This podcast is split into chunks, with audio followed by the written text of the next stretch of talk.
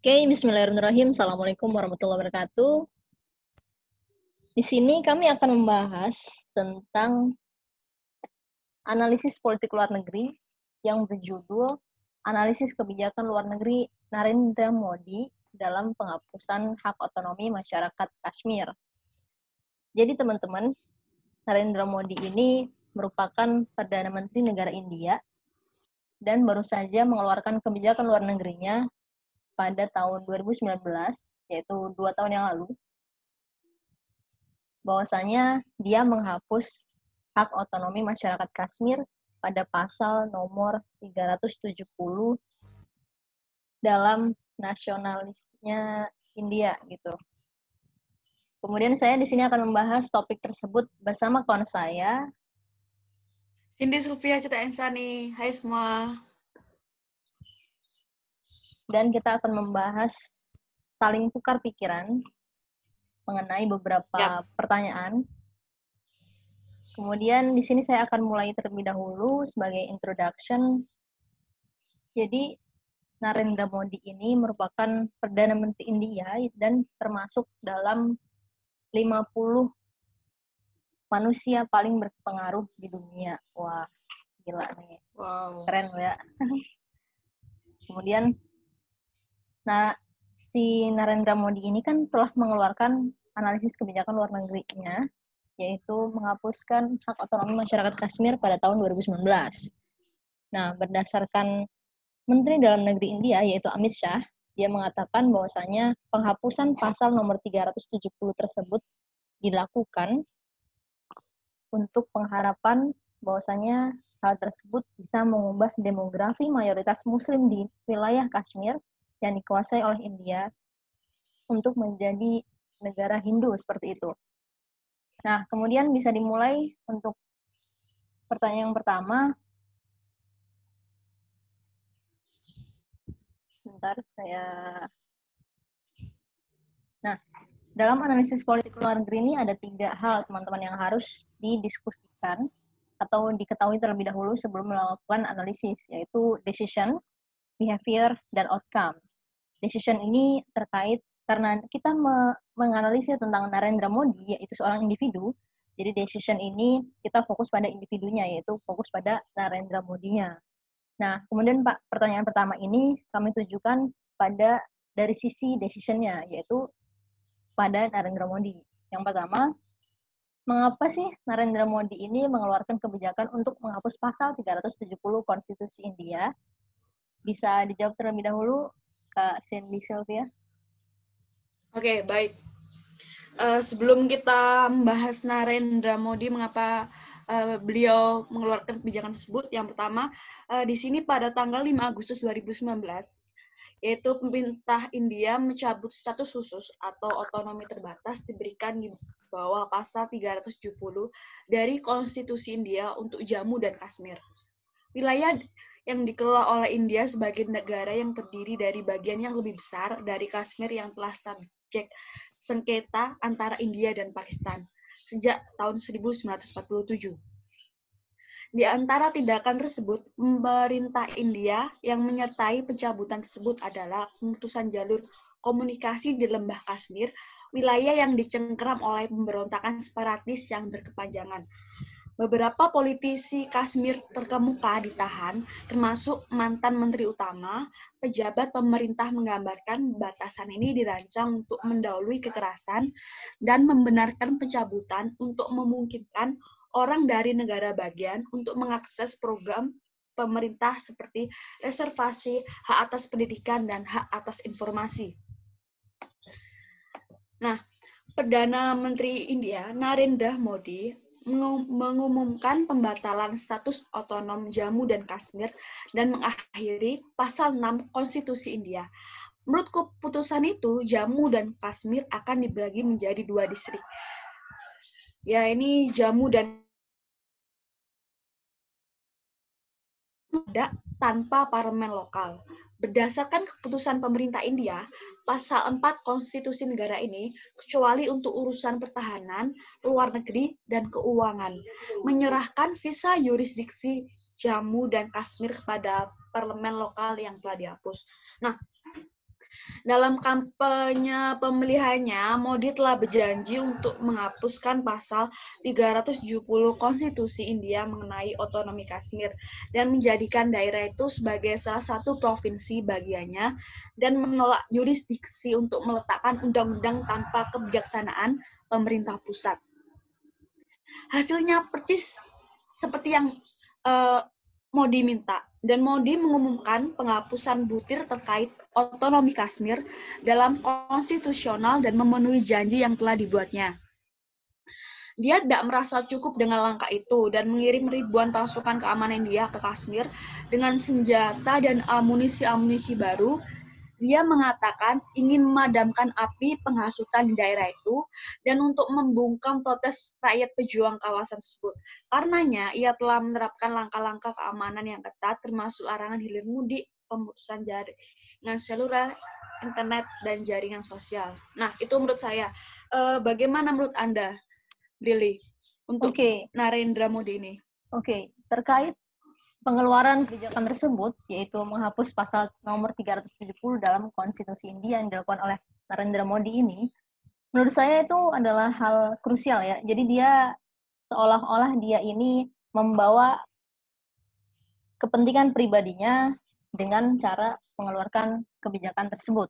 Karena sebagaimana yang dilihat, bahwasanya uh, uh, dalam konteks analisis politik luar negeri ini ada namanya SEMA kan. SEMA ini biasa juga terdapat pada pelajaran psikologi.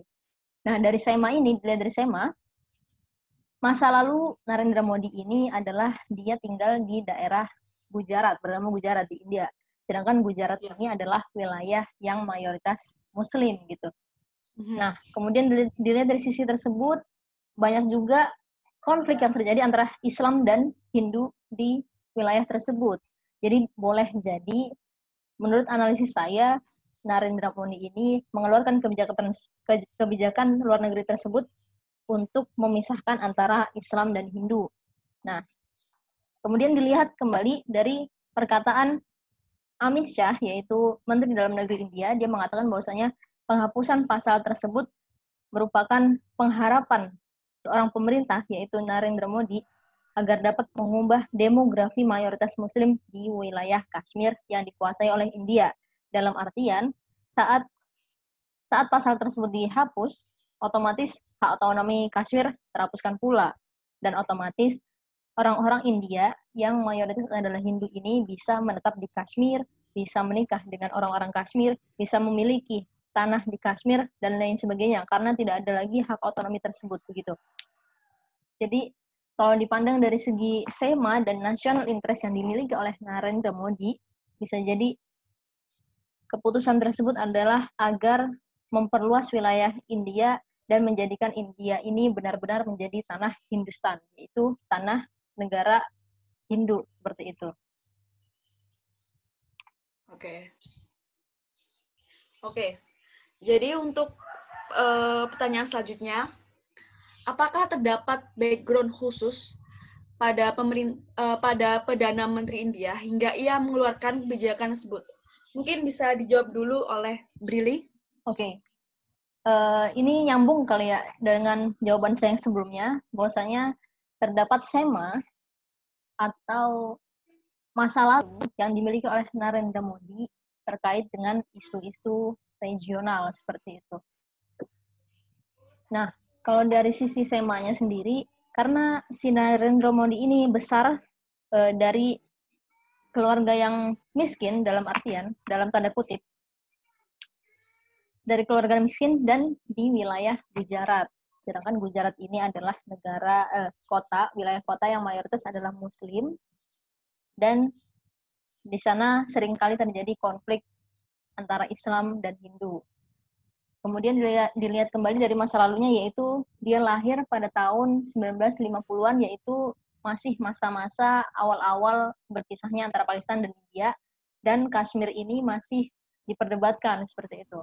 Sedangkan PBB sendiri, PBB baru menetapkan resolusinya pada tahun 1948, yaitu berjarak beberapa tahun setelah uh, sebelum Narendra Modi lahir. Jadi masih terbawa dari situ keadaan psikologisnya bahwasanya uh, Hindu dan Islam ini sering kali terjadi perdebatan gitu. Jadi itulah mengapa dia memiliki motivasi yaitu ingin menjadikan negara India ini menjadi tanah yang benar-benar Hindustan, yang benar-benar Hindustan.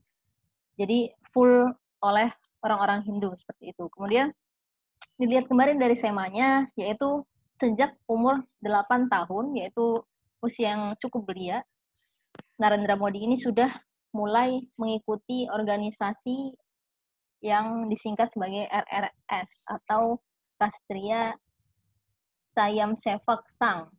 Nah, organisasi ini adalah organisasi nasionalis Hindu bersayap kanan yang sangat berpengaruh di India. Dan organisasi RRS ini sangat menolak sekulerisme dan menjunjung tinggi Hinduisme dalam konstitusi negaranya. Nah, oleh sebab itulah bagi saya mengap, eh, bagi saya background inilah yang menjadi background khusus pada Perdana Menteri India yaitu Narendra Modi hingga dia mengeluarkan kebijakan tersebut karena dari RFS yang sudah dia pelajari dari umur 8 tahun yaitu yang sangat masih belia sekali dan dia terbawa sehingga dia dewasa hingga dia pada usia saat mengeluarkan kebijakan tersebut bahwasanya Hinduisme harus benar-benar dijunjung tinggi pada konstitusi negara India seperti itu. Bagaimana menurut Anda, Kak Sylvia, uh, Cindy Sylvia? Nah, ya. Seperti yang tadi saudara Billy katakan, kurang lebihnya sama. Jadi, uh, untuk background khususnya, Perdana Menteri India ini, banyak warga Kashmir percaya bahwa pencabutan regulasi akan mengubah karakter demografis wilayah mayoritas Muslim itu demi buka pintu bagi warga mayoritas Hindu. Nah, setelah pencabutan pasal 370, pemerintah India dilaporkan menerapkan pembatasan akses komunikasi, ruang gerak, dan memperlakukan jam malam bagi masyarakat yang ada di sana. Nah, ratusan politikus lokal juga diringkus oleh aparat India mengindikasikan upaya untuk meredam pergolakan massa. Perdana Menteri Narendra Modi membela tindakan pemerintah, beralasan bahwa kebijakan teranyar akan membawa era baru bagi Jammu dan Kashmir. Modi juga mengisyaratkan pemerintahannya akan menyiapkan paket kebijakan baru bagi Kashmir yang ditunjukkan demi kebaikan bersama. Sang Perdana Menteri menambahkan, mencabut status otonomi khusus Jammu dan Kashmir satu-satunya negara bagian mayoritas Muslim di India dan mengubahnya menjadi wali um, menjadi wilayah yang dikendalikan secara federal akan membawa pemerintah daerah yang lebih bersih, tidak korup, lebih aman dan ekonomi lokal yang lebih kuat. Nah, dalam pidatonya, PM Modi menjanjikan perkembangan pesat dalam penciptaan lapangan kerja. Tak, lama lagi, Kultan akan segera dimulai untuk mengisi lowongan pekerjaan pemerintah yang akan menyediakan pekerjaan bagi kaum muda. Perusahaan sektor swasta dan publik akan didorong dan beasiswa akan diperluas untuk mendapatkan jumlah siswa maksimal. Nah, ia juga menyatakan bahwa pencabutan pasal 370 juga bisa minimalisir gerakan separatisme dan terorisme di wilayah yang turut diperebutkan dengan negara tetangga, yakni Pakistan. Nah, lebihnya seperti itu, uh, Saudara Billy, untuk background khusus Perdana Menteri India hingga ia mengeluarkan kebijakan tersebut. Lagi-lagi untuk merebutkan wilayah Kashmir. Oke, okay. Sangat menarik sekali ya pembicaraan kita saat ini, membicarakan tentang yeah. Narendra Modi seperti itu. Sebagaimana yang sudah dikatakan oleh uh, Cindy Sylvia, bahwasanya Hal ini uh, dilakukan oleh Narendra Modi untuk mengurangi adanya terorisme, padahal terorisme sendiri belum pasti berasal dari kaum Islam seperti itu kan? Ya, setuju. Ya, kemudian uh, setelah membahas tentang decision dari salah satu hal yang harus dibahas dalam analisis politik luar negeri, saat ini kami akan beralih pada uh, bagian selanjutnya yaitu behavior yang mana behavior ini mencakup pada negaranya sendiri, yaitu negara India. Kemudian saya akan memaparkan uh, sebuah pertanyaan yaitu apakah pencabutan hak otonomi tersebut dilakukan untuk memenuhi nasional interest India? Kemudian apabila benar seperti itu, apakah hal itu? Boleh dijawab terlebih dahulu, Cindy Sylvia. Oke, baik. Uh, jadi yang pertama, seperti yang saya katakan tadi, India menggunakan ketentuan pasal 370 untuk mengeluarkan perintah presiden untuk memperluas konstitusi India ke Jammu dan Kashmir dengan persetujuan pemerintah negara bagian dan mengurangi otonomi negara. Jadi banyak warga Kashmir percaya bahwa pencabutan regulasi akan mengubah karakter demografis wilayah mayoritas Muslim itu demi membuka pintu bagi warga mayoritas Hindu. Nah, dan juga dalam kampanye pemilihannya, Modi telah berjanji untuk menghapus pasal 370 Konstitusi India mengenai otonomi Kashmir dan menjadikan daerah itu sebagai salah satu provinsi bagiannya dan menolak yurisdiksinya untuk meletakkan undang-undang tanpa kebijaksanaan pemerintah pusat. Hasilnya juga persis seperti yang dia minta. Modi juga mengumumkan penghapusan butir terkait otonomi Kashmir dalam konstitusional dan memenuhi janji yang telah dibuatnya. Nah, dia tidak merasa cukup dengan langkah itu dan mengirim ribuan pasukan keamanan India ke, ke Kashmir dengan senjata dan amunisi-amunisi baru. Dia mengatakan ingin memadamkan api penghasutan di daerah itu dan untuk membungkam protes rakyat pejuang kawasan tersebut. Karenanya, ia telah menerapkan langkah-langkah keamanan yang ketat, termasuk larangan hilir mudik, pemutusan jaring, jaringan sel, seluler, internet, dan jaringan sosial. Nah, kurang lebihnya seperti itu, Saudara Brili. Uh, menurut Anda bagaimana untuk pencabutan hak otonomi tersebut? Oke. Okay. Kalau bagi saya sendiri, bagi uh, menurut analisis saya, pencabutan hak otonomi tersebut tentu saja dilakukan untuk memenuhi national interest negara India. Karena sebagaimana dalam analisis politik luar negeri, terdapat yang namanya polyheuristic. Di situ uh, adalah salah satu cara bagi decision maker untuk mengeluarkan suatu kebijakan. Jadi polyheuristic ini stage satu yaitu dia akan mencari uh, suatu data, memilah-milah, kemudian menghitung cost and benefitnya, tapi dia tentu akan mengeluarkan kebijakan tersebut dipilah berdasarkan hal yang paling diterima oleh politiknya, yaitu bagaimana Narendra Modi sendiri berdasarkan RRS, yaitu Organisasi Nasionalis Hindu yang sangat berpengaruh di India dan sangat menjunjung tinggi Hinduisme tersebut. Nah, kemudian nasional interest India sendiri yang akan dicapai oleh Narendra Modi yaitu tentu saja dalam perluasan wilayah negara India karena bagaimana dari sejak pertama kali Pakistan berpisah dengan India saat penjajahan negara Inggris di situ uh, mohon maaf tadi ada gangguan sedikit. Nah, sebagaimana sejak berpisahnya Pakistan dengan negara India saat penjajahan negara Inggris, Kashmir merupakan suatu wilayah yang sangat begitu diperdebatkan bagi kedua negara tersebut. Nah, kemudian hingga saat ini bahkan telah terjadi peperangan antara India dan Pakistan dalam perebutan Kashmir sebanyak empat, empat kali yaitu pada tahun 1947, 1965, 1971, dan juga 1999.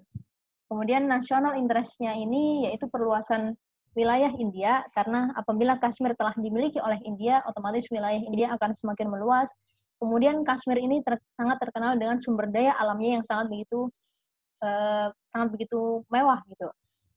Eh, di sana tanahnya sangat begitu subur dan sangat begitu berpengaruh untuk wisatawan internasional untuk mengunjungi Kashmir karena pariwisata alamnya yang sangat begitu istimewa seperti itu.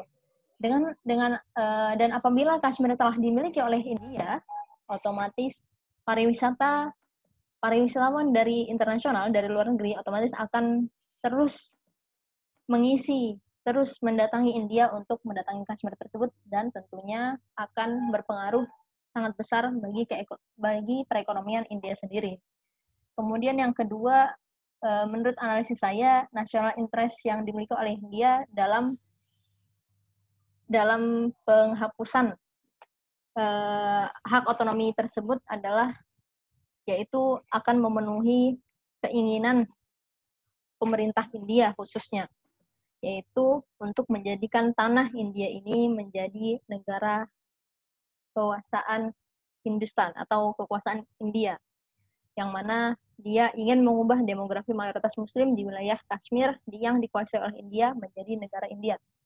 Karena yang telah terjadi pada tahun 2014 saat awal awal mula uh, uh, Narendra Modi ini terpilih uh, terpilih menjadi seorang pemimpin pada tahun 2014 wilayah Gujarat ini sangat masif dengan berubahnya masyarakatnya ini mengubah agamanya dari Kristen menjadi Hindu dan Muslim sebagai Hindu dan itu sangat begitu massal.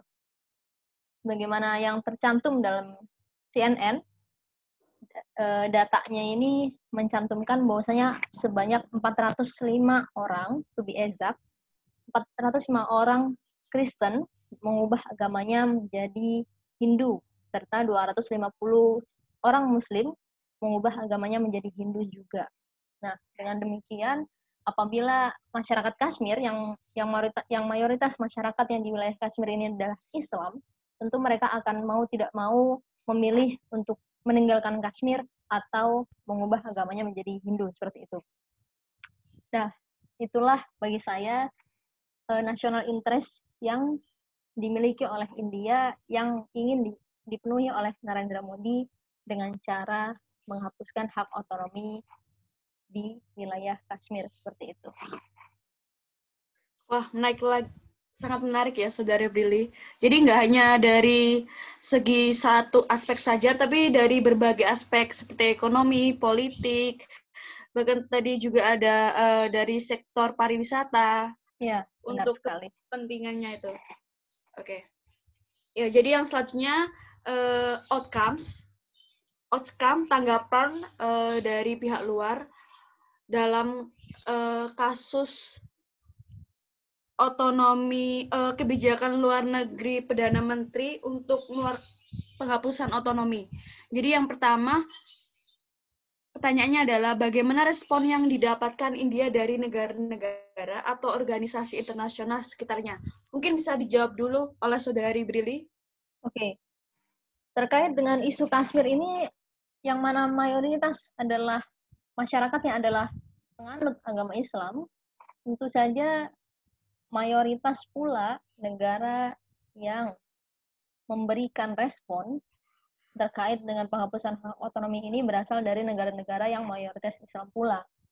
Yang mana yang paling dekat adalah negara Pakistan sendiri, di mana negara Pakistan juga memiliki sebagian kecil wilayah Kashmir yaitu Azad dan Kashmir, Azad Kashmir. Sedangkan kalau di India kan namanya Jammu Kashmir seperti itu. Namun dia uh, masih dalam satu pemimpin gitu. Jadi mereka punya pemimpin tersendiri. Hanya saja wilayahnya yang dibagi secara mandiri. Jadi uh, negara India dan Pakistan ini memiliki garis teritorial yang mereka buat tidak secara alami. Jadi mereka buat uh, secara mandiri seperti itu. Tidak dipisahkan oleh uh, wilayah yang memang sudah permanen gitu. Nah, kemudian respon yang di yang di, yang dikeluarkan oleh Pakistan ini adalah Pakistan sangat begitu mengecam tindakan Narendra Modi tersebut karena dengan cara menghapus hak otonomi tersebut otomatis wilayah Kashmir tidak lagi memiliki haknya hak otonominya untuk memimpin wilayahnya sendiri untuk memberikan kebijakan sendiri, untuk meninggali tempatnya sendiri.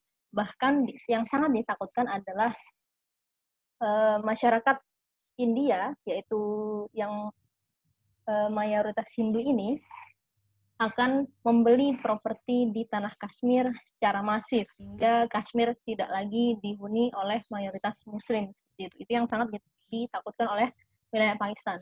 Bahkan saat saya uh, tengah mengunjungi Pakistan pada tahun 2019 yang lalu, pada akhir 2019, Pakistan secara masif menggelar atau menaikkan bendera Kashmir dan dan meletakkannya dan menempelkannya di beberapa bagian bangunan di negara Pakistan. karena Kashmir sendiri memiliki bendera sendiri gitu saat memiliki hak otonomi tersebut. Nah, eh, respon ini dilakukan oleh Pakistan untuk sebagai dukungan gitu terhadap masyarakat Kashmir gitu. Bahwasanya Kashmir ini tidak hanya eh, terkait isu regional, melainkan juga isu hak asasi manusia di situ karena banyak sekali korban-korban masyarakat-masyarakat di Kashmir yang menjadi korban peperangan ataupun konflik yang hampir terjadi setiap hari di wilayah tersebut. Bahkan pertengahan corona ini, pertengahan eh, COVID-19 ini, wilayah Kashmir juga tetap dilindung oleh konflik seperti itu dan yang terkena uh, oleh konflik ini tidak hanya para militernya yang menjadi korban, melainkan juga masyarakat sipil seperti itu. Inilah respon yang berasal dari Pakistan. Kemudian dari PBB sendiri, PBB sangat mengecam tindakan Narendra Modi tersebut karena menurut teori dalam hukum internasional, Narendra Modi telah melanggar hukum internasional eh, sebab Resolusi PBB telah ditetapkan pada tahun 1948 dan telah disepakati oleh kedua negara, yaitu Pakistan dan India, terkait wilayah Kashmir ini, terkait hak otonominya. Namun, Narendra Modi melanggar perjanjian tersebut, seperti itu. Kemudian ada pula uh, outcomes yang diberikan oleh eh, negara-negara uh, muslim lain seperti Turki, dan lain sebagainya, seperti itu. Uh, kemudian bagaimana tanggapan Anda, Cindy Sylvia, terkait respon atau outcomes yang didapatkan oleh negara India dari negara-negara atau organisasi internasional sekitarnya? Nah, oke. Okay. Uh, eh, menyetujui uh, apa yang analisis Billy. Jadi, uh, dalam respon yang didapat India dari negara-negara sekitarnya, pengumuman sebut muncul di tengah meningkatnya ketegangan di sepanjang jalur kontrol perbatasan de facto yang memisahkan Kashmir antara India dan juga Pakistan. Nah, sebagai wilayah Kashmir mengalami pemutusan layanan internet dan telepon. Pakistan yang telah berkonflik dengan India sejak lama sangat mengutuk hal itu. Islamat berjanji menggunakan semua opsi yang mungkin untuk melawan langkah ilegal. Seperti yang dikatakan Kementerian Luar Negeri Pakistan dalam sebuah penyataannya, uh, beliau mengatakan tidak ada langkah sepihak oleh pemerintah India yang dapat mengubah status yang disengketakan ini. Sebagaimana diabadikan dalam resolusi Dewan Keamanan PBB, juga tidak akan pernah dapat diterima oleh rakyat Jammu dan Kashmir dan juga Pakistan. Sementara itu, ratusan aktivis Kashmir melakukan demonstrasi dekat kedutaan besar India di ibu kota Pakistan, Islamabad, dan juga memegang plakat dan melantunkan slogan-slogan. Demonstrasi serupa juga dilakukan di kota-kota lain, termasuk di Hyderabad dan Karachi. Uh, salah satu uh, ucapan dari pengungsi dari Kashmir mengatakan bahwa pencabutan pasal-pasal ini berarti setiap warga negara India akan dapat mengambil tanah di Kashmir yang diduduki dan juga bisa menjadi warga negara Kashmir. Jadi uh, dari organisasi-organisasi dan negara-negara di sekitarnya juga uh, ada yang menentang atas uh, respon dari perdana menteri India ini untuk uh, untuk kebijakan luar negerinya tersebut gitu. Ya, seperti itu Mbak Brili. Oke. Memang terkait isu ini dari segi outcomes memang mayoritas adalah berasal dari negara Pakistan sendiri ya, seperti itu. Iya. Oke. Bisa dibilang gitu.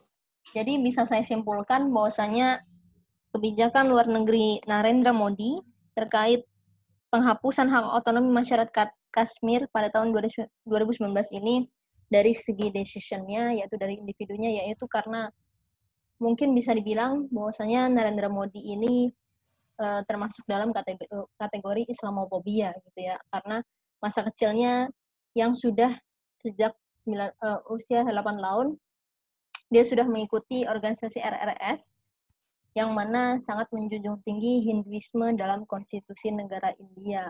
Kemudian dari behavior, yaitu dari negara sendiri, yaitu eh, bahwasanya Narendra Modi ingin memenuhi nasional interestnya dengan cara menghapus hak otonomi masyarakat Kashmir yang sudah telah ia lontarkan pula saat mengadakan uh, kampanyenya, saat pemilihan kampanyenya itu, yaitu dia ingin mengubah demografi mayoritas muslim di wilayah Kashmir yang dikuasai oleh India seperti itu.